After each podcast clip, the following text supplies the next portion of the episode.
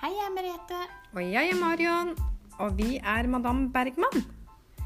Vi er to søstre som har drømt lenge om å starte en egen podkast. Og det vi ønsker, er å inspirere og dele historier. Og er vi flinke til å dele historier, er det òg lettere for alle å være åpne og dele. Sammen kan vi løfte og inspirere hverandre. Husk, du vet aldri hvem du hjelper.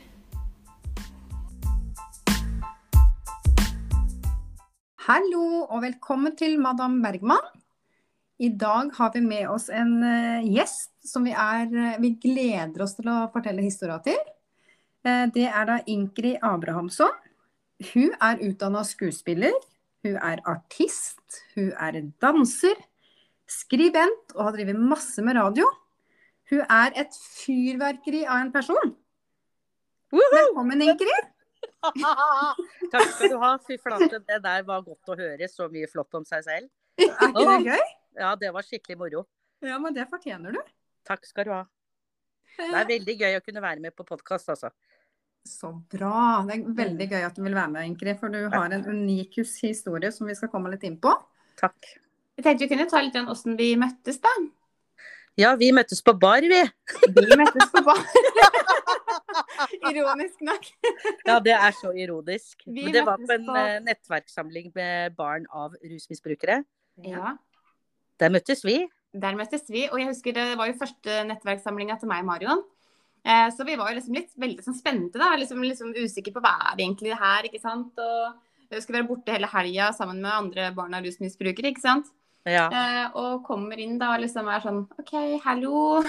Plutselig så runder du hjørnet, ikke sant, og kommer som det fyrverkeriet. Og bare wow!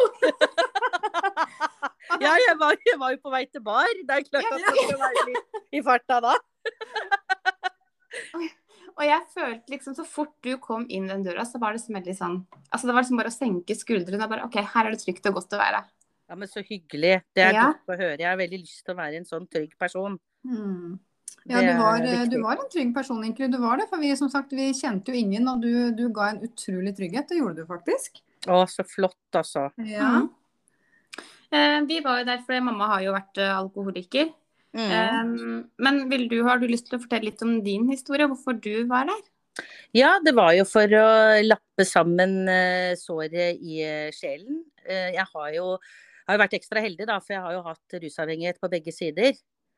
Ja. Både min mor og far. Og mm, mye av grunnen til at jeg også var i bar-sammenheng, da, det var fordi at jeg ble plassert i fosterhjem da jeg var to år gammel pga. Uh, rus og andre ting, da. Mm. Så det er liksom noe med det å møte andre som har opplevd eh, rusavhengighet på kroppen. Mm. eh, av familie, nær familie, hva det gjør med en familiedynamikk. Altså jeg var bare så innmari sulten da, på å møte noen. Holdt på å si. på bar. ja, men dere skjønner, ikke sant. Det er noe med Det har jo liksom vært snakk om sånn Alanon, og så ramla jeg borti i barn av rusmisbrukere og tenkte at det her må jo være midt i blinken for meg, da. For jeg har jo Jeg er jo vokst opp med mamma også, for hun var jo nykter som ei fele i lange perioder. Mm. Men så har det liksom gått litt uh, her og der. Når jeg ble voksen, da også begynte det med mye trøbbel.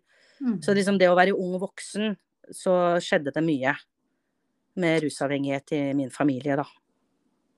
Men hvordan, på en måte, hvordan er det å vokse opp med det her og på en måte ha disse periodene i livet ditt? Måte, for da har du det jo da gjennom hele livet, egentlig. Ja, Fram til nå. ja, altså det som har vært greia, det er jo på Jeg føler meg litt sånn tverrkulturell fordi jeg var så liten når jeg ble plassert i fosterhjem. Jeg hadde jo ikke noe egen vilje, ikke sant. To og et halvt år gammel, du får jo Mm. ikke bestemt da, liksom. Og, og det å bli plassert i en eh, annen familie da, enn din egen, altså jeg føler meg nesten litt sånn tverrkulturell. Man, Mm. man, man vet på en måte at man hører til et annet sted. Blodet ditt er litt villere på et eller annet vis. Mm. Uh, selv om eh, jeg, jeg har jo godt forhold til fosterforeldrene mine i dag, liksom. Fordi de bor jo her jeg bor nå. Og det er liksom noe med å forstå menneskene, da. De mellommenneskelige relasjonene når man blir voksen, hva alle menneskene også har stått i. Mm. Og det er litt vanskelig når du er barn og skal håndtere alle de voksnes følelser. Hvis du skjønner? At Ja. det er så mye tristesse, det er så mye skam, det er så mye å forholde seg til som jente, da. Mm. blant de voksne som man ikke man, man, man, Det er veldig rart, men det er akkurat som man bare vet det i hjertet sitt. Mm. At det er Veldig noe annet, klart. liksom. Ja. Har du hatt noe særlig, har du hatt noe særlig forhold til foreldra dine? Ja, jeg har et veldig Mamma lever enda. Hun, altså, faren min døde da jeg var 16. Jeg Mm. traff han en gang da jeg var 14 år gammel, og det var veldig sterkt. Da satt jeg jo i armkroken hans i seks timer, og det var liksom han og meg mot verden, nesten. Og han hadde tatovert eh, navnet sitt eh, Nei, navnet mitt på, på brystet. Mm. Så det var en veldig, veldig sterk opplevelse, da. Med, for faren min var jo eh, alkoholiker og voldelig. Eh, og det er klart at når man er tenåring, så begynner man å lure på hvor man kommer fra. Og da bodde Ja. jeg jo sammen med mamma, for jeg flytta jo til henne da jeg var typ ni-ti år. Og um, da var hun veldig ålreit på å fortelle om gode sider også med faren min. At han var flink til å tegne, han var veldig morsom. Og at hun plutselig bare en dag sånn ut i det blå, for jeg drev og spurte så fælt hvem er faren min egentlig, hvordan var han? Så ser hun bare på meg og så bare skal jeg ringe han, eller? Skal jeg finne ut hvor han er hen? Og så blei det skikkelig sånn detektiv, da. At vi drev, for jeg er jo vokst opp på sperra adresse, da. Det er vel kanskje derfor jeg er så god åpen i sosiale medier. Skal ta igjen det tapte. Fordi at eh, Ja, nei, jeg kunne jeg, Folk kunne jo Han kunne ikke vite hvor vi bodde hen. Sånn, så alvorlig var det. Ja. Så det var jo også sånn at når mamma fikk tak i han, så ringte hun og kontrollerte, for det, eh, han skulle være edru når, han, når vi skulle møtes. Mm. Det var veldig viktig, og det, det var han også. Så det var veldig, veldig sterkt møte. Og så eh, flytta vel han, han var på et eller annet alkishjem oppe i Valdres eller noe sånt, tror jeg. Og så skrev vi brev til hverandre, men det var gjennom en arbeidskollega av mamma, da. For jeg kunne ikke vite hvor vi bodde hen. Nei. Så det var jo litt sånn også, ikke sant. Ja, guri. Mm. Ja, guri land. Ja. Og så har jeg også forstått veldig sånn nå som voksen, da, at uh, det der med å reise seg opp eh, og være kvinne, da, og reise seg opp etter et liv på gata, det er faen ikke lett. For du får så mye Altså, det, folk er så flinke til å gni fortida i trynet på deg, da. Mm. Hele tida. Uansett, og spesielt det offentlige, spesielt systemer, ikke sant. Mm. Skal ikke komme her, komme her. Du er jo Har ikke du vært på gata, liksom? ja, du blir på en måte stempla, da, vet du, og det stempelet skal du liksom ha hele livet.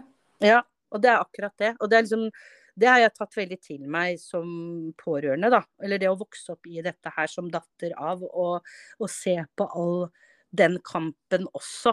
For det er Mm. veldig mange kamper, da. Mm.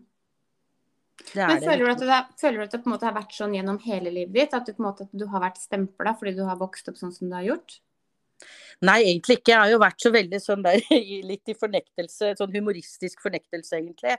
Mm. I forhold til det med å bo i fosterhjem, da, så tenkte jeg men det er jo noe alle gjør. Ja, Det ikke sant? Det blir jo så Ja, ja. Men har det vært litt, litt en sånn overlevelsesmekanisme, på en måte? Ja, det er klart det. Ja. Det er som Robbie Williams, ikke sant. Altså, det er jo en grunn til at jeg. Jazzer opp stemninga. Nå skal vi ha det hyggelig, dere. For da, Ja. hvis det blir litt ullent, ja. Ja. så er det bare å sette i gang og sette i gang show, eller Ja. ja, få opp stemninga, da. Mm. Mm. Husker du eh, når du begynte å bruke humor for å på en måte å redde deg sjøl litt? Å du, det begynte jeg tidlig med, altså. Ja. Mm. Ja, det gjorde jeg virkelig, altså. Det, det var når jeg var barn, egentlig.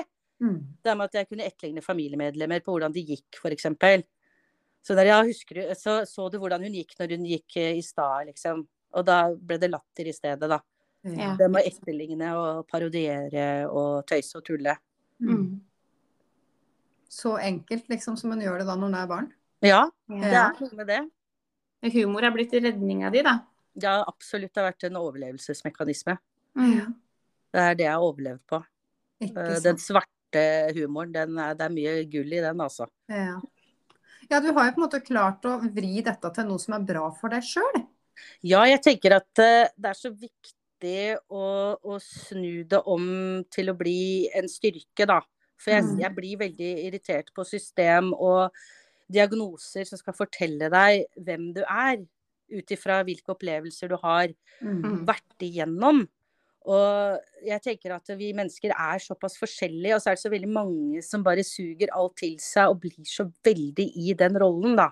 Mm. Med å bli diagnosen sin. Men så er vi også mennesker. Og så tenker jeg at eh, kan vi ikke liksom bare se på dette som en styrke, da? At vi har et annet blikk. Vi Mm. ser ting på en annen måte som kan være en styrke for andre, da. Jeg er så enig med deg. Ja, jeg tenker jo om det. For jeg har liksom også vært gjennom en del sånne Jeg kaller det diagnosequiz. Ja. Altså psykiateren der driver og liksom at hei, hei, Eller omtrent audition, da. Gratulerer, Ja. du er videre, nå har du fått en diagnose. Ja. Ikke sant? At de omtrent krysser av på skjemaet sitt. Bingo! Ja. Gratulerer, du har fått den diagnosen. Nå er det rød løper og ballonger og fest på Nav. Nå er det fest. Nå er det party! Nå er det full fres på Nav, for nå er endelig Vi har fått klaska inn en diagnose, og det er flott. Du er en, du er en, du er en tapt sjel. Ja! Men, men hvordan føler du på en måte at det offentlige har eh, Du sier at du på en måte, når du på en måte har fått en diagnose og det er fest på Nav, da. ja. eh, føler du at det da liksom på en måte, det er på en måte slutten? Da er det på en måte ikke noe mer å gå etter? Jeg tenker sånn i forhold til, Du har jo hatt drømmer om åssen et- åssen liv du vil ha. Ja. Du vet hva, Det var litt sånn motsatt, fordi at jeg flytta jo ut av Oslo. ikke sant? Og det, og det å flytte til bygda Jeg begynte å studere her i Bø, da, som jeg bor nå. Uh, tok en bachelor i kultur. Og så er det liksom noe med Og jeg har jo vært på Nav. Jeg har jo jobba mye også, jeg har jo ikke bare vært på Nav. Men fordi jeg har jo rømt hele tiden fra mørket i meg, da. Mm. Fordi jeg er preget av hva jeg har vært gjennom. Mm. Man blir preget av omsorgssvikt av å bli flytta til et annet sted og, og i det hele tatt. Det er noe som er med meg. Mm. Uh, og i forhold til relasjoner og det voksne livet og sånt. Og når jeg da klarte å flytte ut av byen, det var jo ikke tilfeldig, jeg fikk jo hjelp der også, Mm. så var det det å komme til et mindre sted, så er liksom Det blir litt mer personlig, da. Mm. Eh, sånn at da fikk jeg også mer hjelp til å få meg sjøl på beina, på sett og vis, da. Til å skjønne at jeg bærer preg også. For det handla jo litt om at jeg måtte faktisk innse at fader ullan, jeg har jeg har svelga mange kameler, altså. Med å liksom Mm. løpe fra meg sjæl, fordi jeg er så utrolig ressurssterk, ikke sant. Mm. Så at jeg, når det begynte å bli litt sånn på Nav i forhold til ja, etterutdanning, at uh, ja, nå må du ut og skaffe deg jobb og sånn, og så var jeg så veldig Jeg brukte jo alle kreftene på å være så ressurssterk på det Nav-kontoret og være ordentlig. Ja. Så at jeg var jo vrengt klut når jeg liksom kom ut fra møtet, fordi at det er så mye skam for, mer med å være på Nav og være på det offentlige kontoret. Det var jo ikke det som var planen. Nei. Ikke sant? Jeg hadde jo ikke planlagt det. Men så har det seg sånn at jeg har noen men, da. Som jeg må Mm. jobbe med. For å få det såpass bra som jeg har det nå, og videre. Ikke sant? Mm. Og at jeg samtidig er veldig takknemlig for at vi har et system som, som gjør at uh, jeg nå Jeg er ufør nå. Eller som jeg liker å si, trygda superstar. At jeg på, på en måte får ivaretatt meg sjøl og gjøre så mye gode ting for meg sjøl som jeg gjør nå, for å få livet til å bli bedre, sånn at jeg også får vi- videreutvikla skuespilleri og artisteri og, og forvalte den kunnskapen jeg har fått med all den smerten. da. Mm. Mm. Så ikke jeg blir en sånn sentimental countrylåt, da, eller at det er sånn vondt. Og, og, for det er jeg, jeg har ikke lyst til å være det. Nei. Jeg har lyst til liksom å komme med noe litt krutt, da. Med at det går an å reise seg selv om du Ja. Mm. Selv om det er forventa. Det ikke sant at jeg tenker at det har så mye med samfunnets forventninger, da. Hvis du har den type bakgrunn, så skal det ende opp akkurat sånn. Mm. Men at jeg, der kommer litt punken i meg, da. Med, med trass, og gå i trasstog mot det. Ja. Gi statistikken en i på trynet på at å ta en høyere utdanning, ikke kom her og fortell meg, liksom. Nei. Jeg gjør det sjæl. Ja, du er liksom, eh, som jeg sier, du er kaptein i ditt eget liv, og det, det glemmer man litt innimellom. Ja. For vi blir så Alt det som på en måte det som skjer rundt oss, og alt vi står i til slutt, så veit vi ikke noe annet. Mm. Det er på en måte det livet vi har stått i, og vi har kanskje ikke hatt noen rollemodeller som heller har vist oss hva som er mulig. Mm. Eh, og det er som du sier, at det der å finne den krafta inni seg sjøl, bare tenke at fader, eller at ingen skal fortelle meg hva jeg ikke kan gjøre. Mm. Mm. Og at det det- blir en litt sånn trassig, det blir en Ja. egen styrke, da, den der med Jeg skal faen meg vise dem. Ja. Ja. Og Det er det er en en kraft. Det er en kraft. Ja. Det er liksom å forvalte kreftene sine på rette steder, da. For jeg har jo tøysa mye med det i standup og på scenen og litt sånne ting. At uh, hvis jeg skulle starte et politisk parti, så skulle det hete Destruktiv front. Ja. For maken til å være selvdestruktiv, da. Herregud. Det er selvfølgelig, det er klassisk. Det er mange måter med for selvskading å drikke mye, spise mye, Mm. ikke sant. Men Men åssen, øh, jobber du med, med destruktive tanker i dag?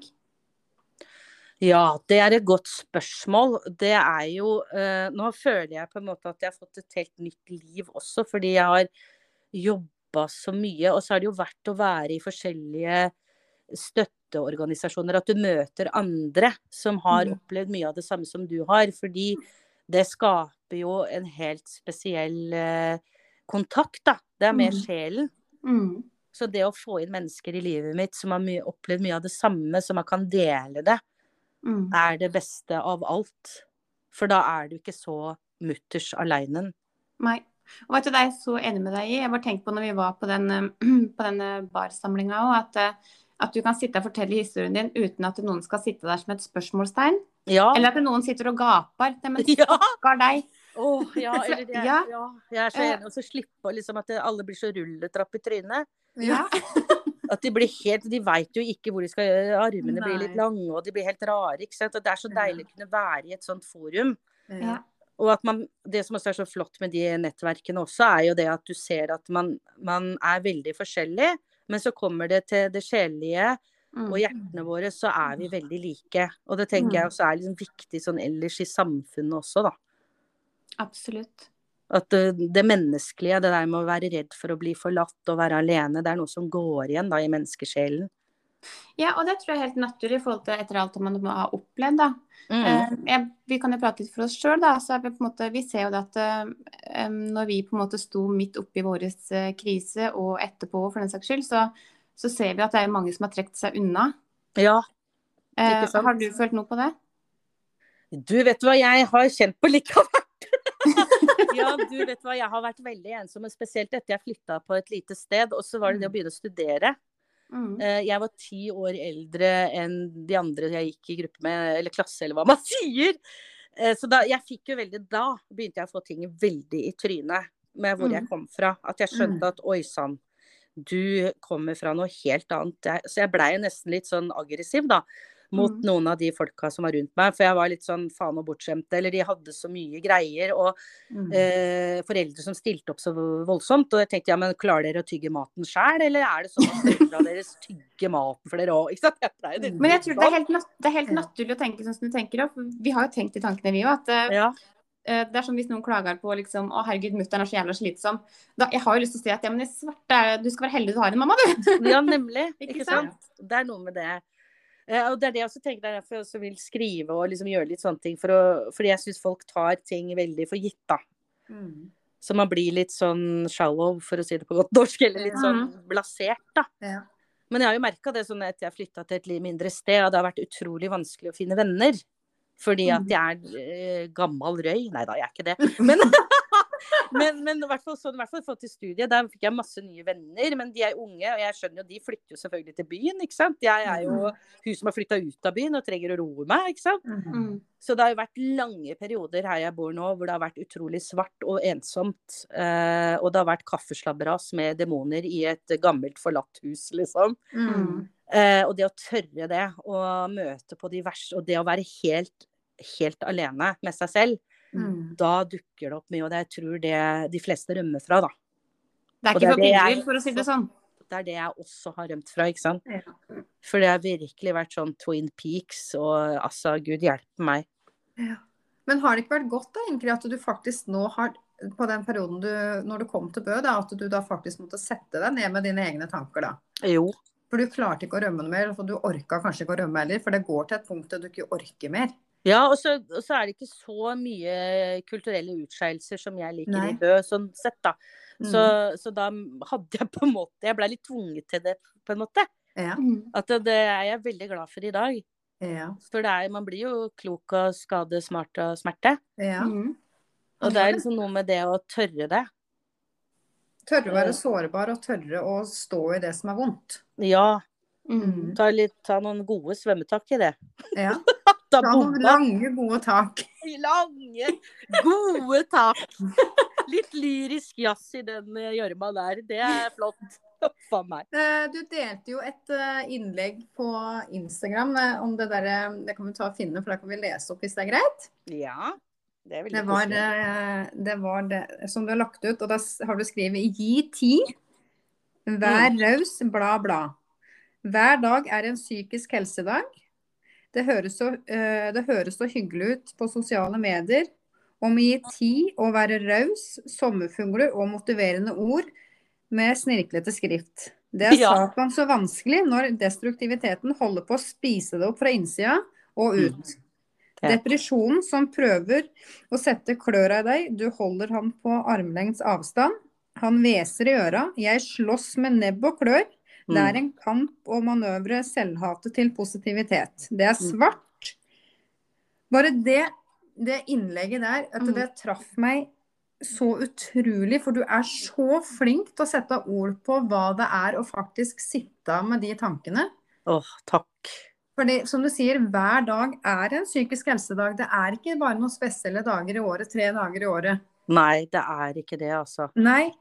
Og du er Altså- så flink til å sette ord på det. Og så tenker jeg, dette blir for meg litt sånn, dette er litt sånn sjølutvikling. Ja, det er det faktisk. Takk Ja. for at du sier det.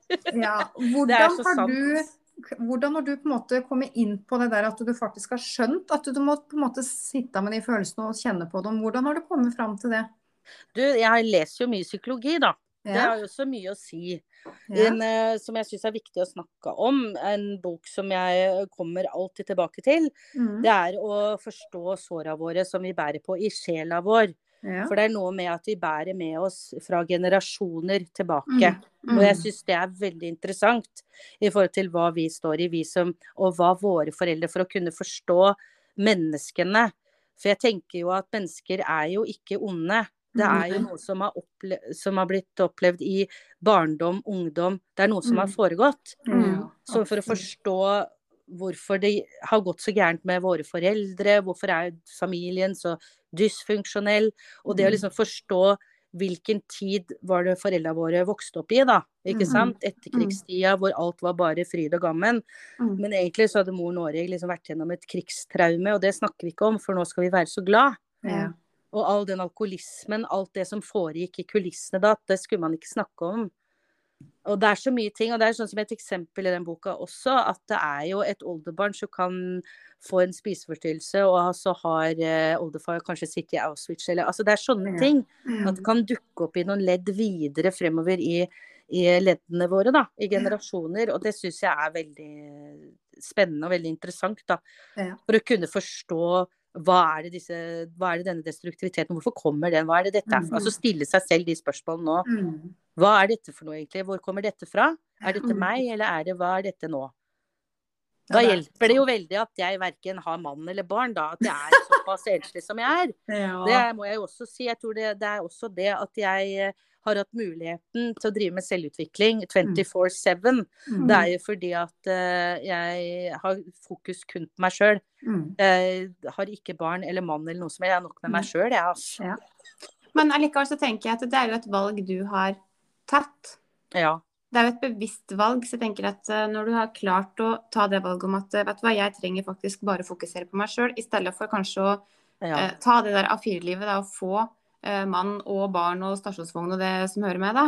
Mm. Eh, for da tenker jeg at da er det fort gjort å miste seg sjøl, og da kan man jo havne inn på det f.eks. at en drikker mye. Altså, det, det, er liksom måte, det er jo det som på en måte ofte går igjen, da. Mm. ja. At man ikke lytter til seg sjøl. Ja. ja, jeg har eh, Selv om jeg ikke har hatt mann og barn, så jeg drikker mye, jeg òg, altså. Bare så det er sagt. Vi skal ikke legge det under en stol. Jeg både drikker og så spiser jeg mye, og ja, det er mye sånn. Ja.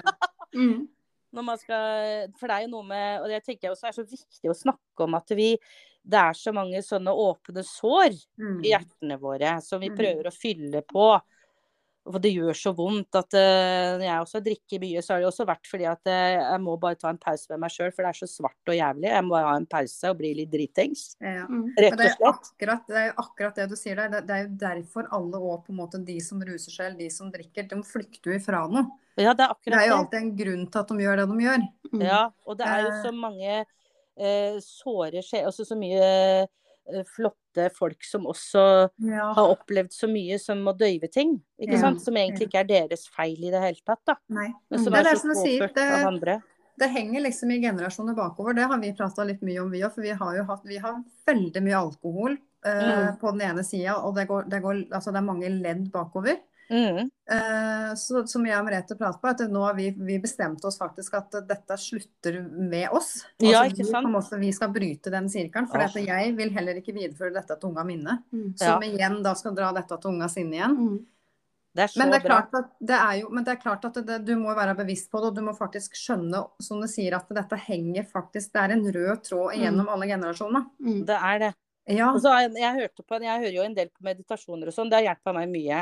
ja Det er uh, masse fine meditasjoner på YouTube, og liksom skli ut unna de der eh, tørre stemmene, eller det er mye rart der òg, ikke sant. Ja. Men finne de som treffer deg. Og da husker jeg at det var en som traff meg så veldig hardt, da, som, som handla om akkurat dette her. Hvor det var Mhm. sånn at du skulle visualisere at du gikk på en strand, og at du skal gjøre bølgeskvulp, og så, men så prøver du å gå, men så er det noe som drar deg tilbake hele tiden. Og det Ja. er lenkene fra Ja. familie og det dysfunksjonelle, da, som prøver å dra dra deg tilbake igjen, ikke Å, sant. nå får jeg frysninger. Det er, for det er jo sånn det er. Og jeg pleier å si at familie, det kan jo være noe av det giftigste som fins. Mm. Uh, og den gifta der er så Jeg som grubla fælt på det nå i det siste også. Bare tenker sånn Men kjenner familien egentlig hverandre? For man har de rollene. Ja, for du er jo dattera, ikke sant. Og så er det du som er onkelen, og så er det en fetter borti hjørnet der. Ja. Mm. Og du har nedsett etter bestefar. Sånn gjør vi det her i denne familien, skjønner du. Og hvis du prøver å liksom frigjøre deg eller gjøre noe annet, så nei. Vi skal ha det sånn. Mm. Ja. For eksempel, da. Det er, Mm. det er sånn jeg liksom grubler litt på innimellom. Bare sånn, kjenner vi hverandre egentlig som mennesker, eller er vi bare roller som onkler og tanter og brødre og sånne ting, da. Jeg tror, eh, i hvert fall i veldig mange familier, så tror jeg det er veldig mye roller. Eh, Jeg Ja. vet ikke om det er så mye bånd imellom. Nei. Mm. Nei, absolutt ikke. Ja, det er sånn jeg får grubla når jeg er eh, på bygda, da. Så får man grubla litt. Alle burde komme seg på bygda. Ja, få puste litt. Ja. Men det er litt sånn som du sier da, jeg, for jeg, jeg har jo drevet og lest en del om generasjonstraumer. Eh, og jeg finner, det er som sagt, jeg finner det så interessant. Uh, i hvert fall, Nå har jo da vi vært i generasjonstraumer sjøl, så det er jo derfor det er jo ganske Ja. spennende. Men jeg tenker da for uh, Nå er vi ganske voksne, men allikevel så er det, det er mange ganger som jeg liksom på en måte um, Kanskje lest noe da, at generasjonstraumer, da når jeg først kom inn på det, så er det sånn derre Oi, Ja. er det sånn det er? Ja. Tenk om jeg hadde visst det for 10-15 oh, ja, år det siden. kjenner jeg igjen. Det kjenner jeg igjen. Ja. Eh, Og, sånn, og så tenker jeg at jeg tenker på det mange sånne unge mennesker i dag da, som lever midt oppi eh, en krise. da.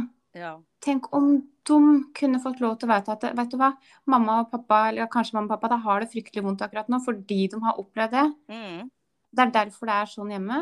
Mm. Men det har ikke noe med deg å gjøre. ja, ikke minst det. Det har ikke noe med deg å Ja. gjøre. Ikke sant? At det Mm.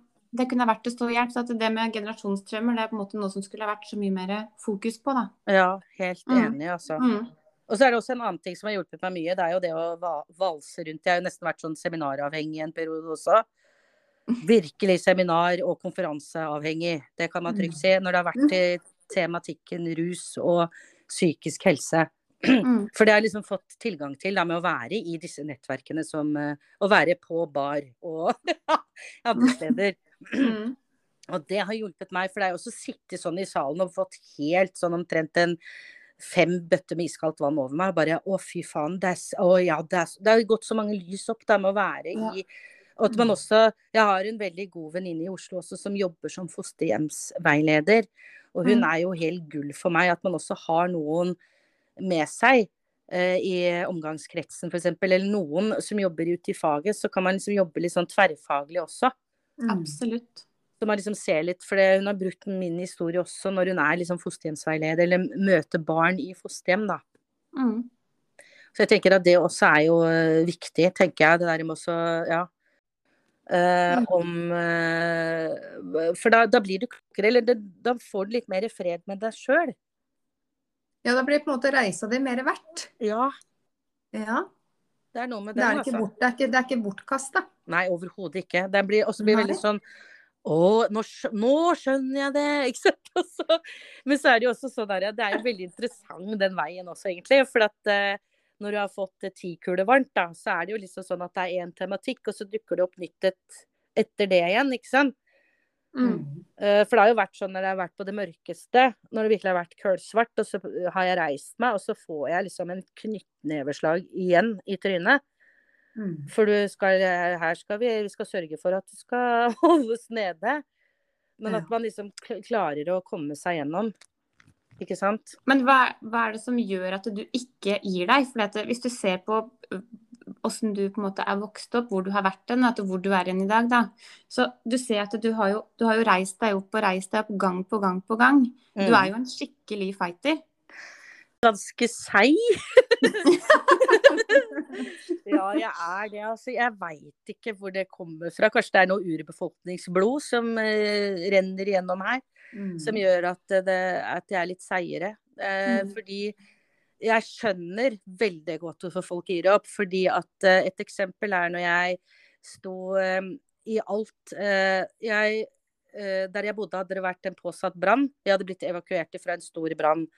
Jeg skulle skrive en bacheloroppgave. Jeg var midt inne i bacheloroppgaven. Og ikke hadde låst på døra mi eller noe. Det var helt sånn forferdelig rundt meg. Det var bare sånn ruiner av brann. og så Det var helt grusomt.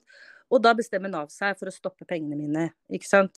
Jeg gikk jo på arbeidsavklaringspenger. Det har jeg døpt for eh, bortforklaringspenger. Ikke sant? Og da, da ja.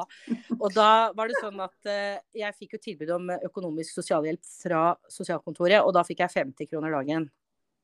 50 kroner dagen. 50 kroner dagen. Og da så jeg bare på den og bare Ja, det er vel kanskje ikke så rart at folk gir opp.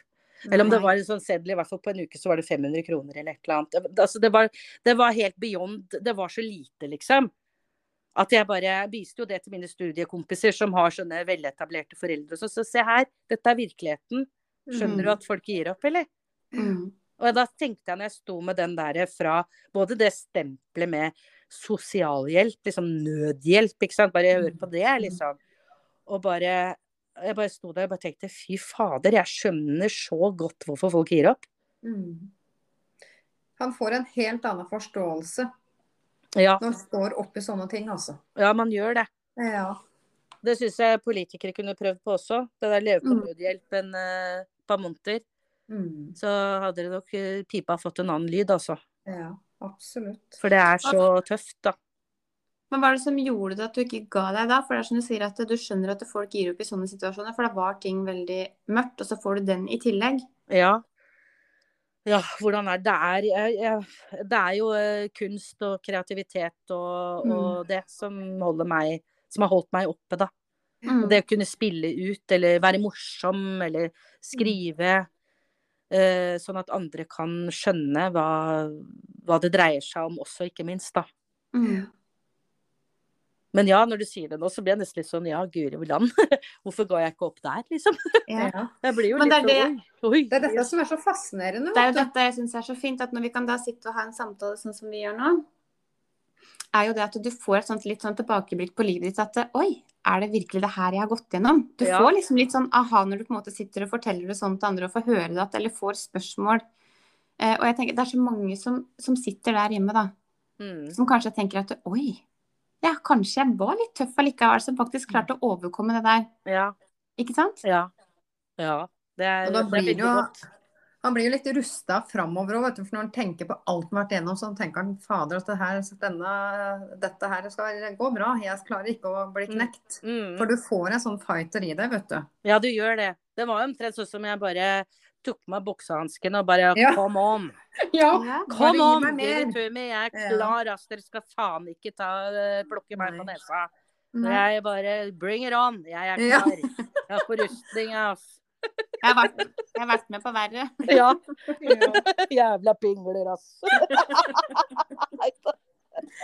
Men du egentlig, når begynte det å gå oppover for deg? Når føler du at ting snudde og ting begynte å gå riktig vei? Du, det var når jeg flytta til Bø i Telemark og begynte å studere. Det var første livsomveltninga som eh, skjedde. Mm. Det var jo også fordi jeg fikk hjelp av noen voksne som kom inn i livet mitt når jeg jobba på Kullsvart av depresjon sto jeg i en kantine på Utdanningsdirektoratet, eller direktoratet. Ja. Og, og så var det en kvinne som kom inn da, som drev og bestilte mat av oss. Og sånn. Jeg drev og beundra henne, for hun minte meg så veldig om mormor. Og hun var så flott, og hun bestilte mat av oss på kjøkkenet. Og hun hadde så respekt for oss som jobba på kjøkkenet. Så var hun der en dag og så sa hun å, dere, var så fli- dere er så flinke til å lage mat og sånn. Dere burde jo uh, lage cateringbyrå. Og da var jeg i mitt test. Jeg, eller jeg var så langt nede så jeg bare sa helt sånn der Jeg har egentlig ikke lyst til å være her i det hele tatt, ja. ikke sant? Og så spurte hun ja, hva kunne du tenke deg da? Så sa jeg nei, jeg er jo en eh, løvetann, da, så jeg kunne jo godt tenkt meg å brukt bakgrunnen min til å kanskje hjelpe andre, da. Mm. Og da skjedde det noe i det møtet, for hun snur seg og så sier hun Vet du det, at jeg har jobbet i PPT-tjenesten siden 80-tallet og har egentlig drømt om å møte en sånn som deg. Har du lyst til å komme ned til meg på mitt kontor og ta en kaffe? Å, Og fantastisk! Gudskjelov for at jeg gjorde det. At jeg gikk ned dit etter jobb og sa hei, her er jeg. Og det velta om hele mitt liv. For da fikk jeg to voksne som eh, kom inn i livet mitt, og jeg kunne fortelle mine opplevelser uten at jeg ble dømt. ikke sant? Nei, det stemmer ikke, det er ikke sant, eller noe sånn var det ikke. ikke sant? Og at de hjalp meg, og hun betalte da privatgymnas for meg, for jeg måtte ta opp noen fag før jeg fikk flytte til Bø. Og så fant vi da kulturstudiet, og, hvor hun ble også veldig begeistret. Ja, men Ingrid, dette, det står jo navnet ditt på dette studiet. Og hun var det. De hjalp meg. Eh, Marit og Roald heter de. Og det er liksom der det, å få de inn i livet sitt. Jeg vet ikke hvor jeg ville vært den egentlig, Mm. hadde det ikke vært for de. At de var de voksne som kom inn og så meg. Som sa at du med ditt hode, Ingrid, du burde få en utdanning. Mm. Uh, og det var veldig, veldig Og at jeg også satt med Det var også ganske sånn sterkt at jeg satt med Roald og skulle ta opp matematikk, da. For jeg hadde overgangen fra bygda til Oslo var stor, og, og at jeg var så borte. Jeg var ikke med i undervisning. Eh, jeg var jo der, men jeg, skallet mitt var bare der, liksom, hvis dere skjønner. For jeg var litt andre steder i hodet og sånn. For jeg var litt traumatisert og sånn. Og da satt jeg som 30 30-åring med matteoppgave for fjerde klasse. Ja. Mm. Med gangetabellen og skulle lære meg den, liksom. Mm. Og jeg bare fy fader, jeg skamma meg så fælt. Og det var liksom som Roald sa, og at det her er ikke din feil, Ingrid. Det er Mm. systemet. Mm. Og bare det å Bare få å få- den beskjeden. Ja, det er så viktig, da. Mm. veldig. Og at jeg da bare kom til Bø liksom som 32-åring med folk på 19 liksom og skulle bo på internat, studenter. Ja. Og det var altså så gøy at jeg følte at jeg hadde så mye å ta igjen, da. For jeg har liksom Mm. vært så lenge i lavfunnsyrket. Jeg var masse kreativ på Radio Rakel. Lagde masse humor og radio. 100 eh, timer i uka omtrent, ikke sant. Eller sånn 24-7 da, var jeg på, Mm. liksom. Mm. Samtidig så var jeg hele tiden kreativ, men, men at jeg var så på. Men samtidig så kjente jeg på en sånn Jeg leser gamle dagbøker og sånn, og det går igjennom at jeg er så trist. Jeg er så lei meg. Jeg har et sånt mørke i meg som er liksom med meg hele tiden. Mm. Som bare er en sånn trist liten jente, da. Som trenger veldig omsorg, og som trenger å bli ivaretatt og bli møtt, da. Og det ser Jeg, jo. jeg bare kom på en ting når du sier dette, egentlig.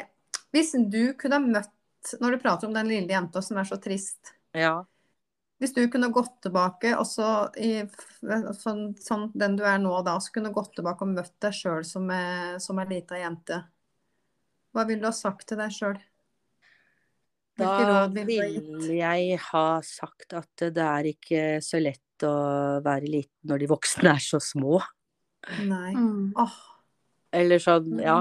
Det har jo vært perioder, selvfølgelig. Men eh, ja, det er eh, Du kommer til å klare dette her, for du er deg, liksom. ja. Du er deg. Mm. Og de, de voksne er eh, Det er ikke deres feil. Det er så mye mellom linjene på de voksne også, ikke sant. Mm. Så man liksom forstår det. Og at ikke det har noe med meg å gjøre, sånn som vi snakka om tidligere òg, ikke sant. Det, Mm. Dette har ikke noe med deg å gjøre sånn, for du Nei. er barn. Ja. Du er bare et barn. Mhm. Ja, Ja, det var veldig fint. det var veldig fint, Ingrid. Takk.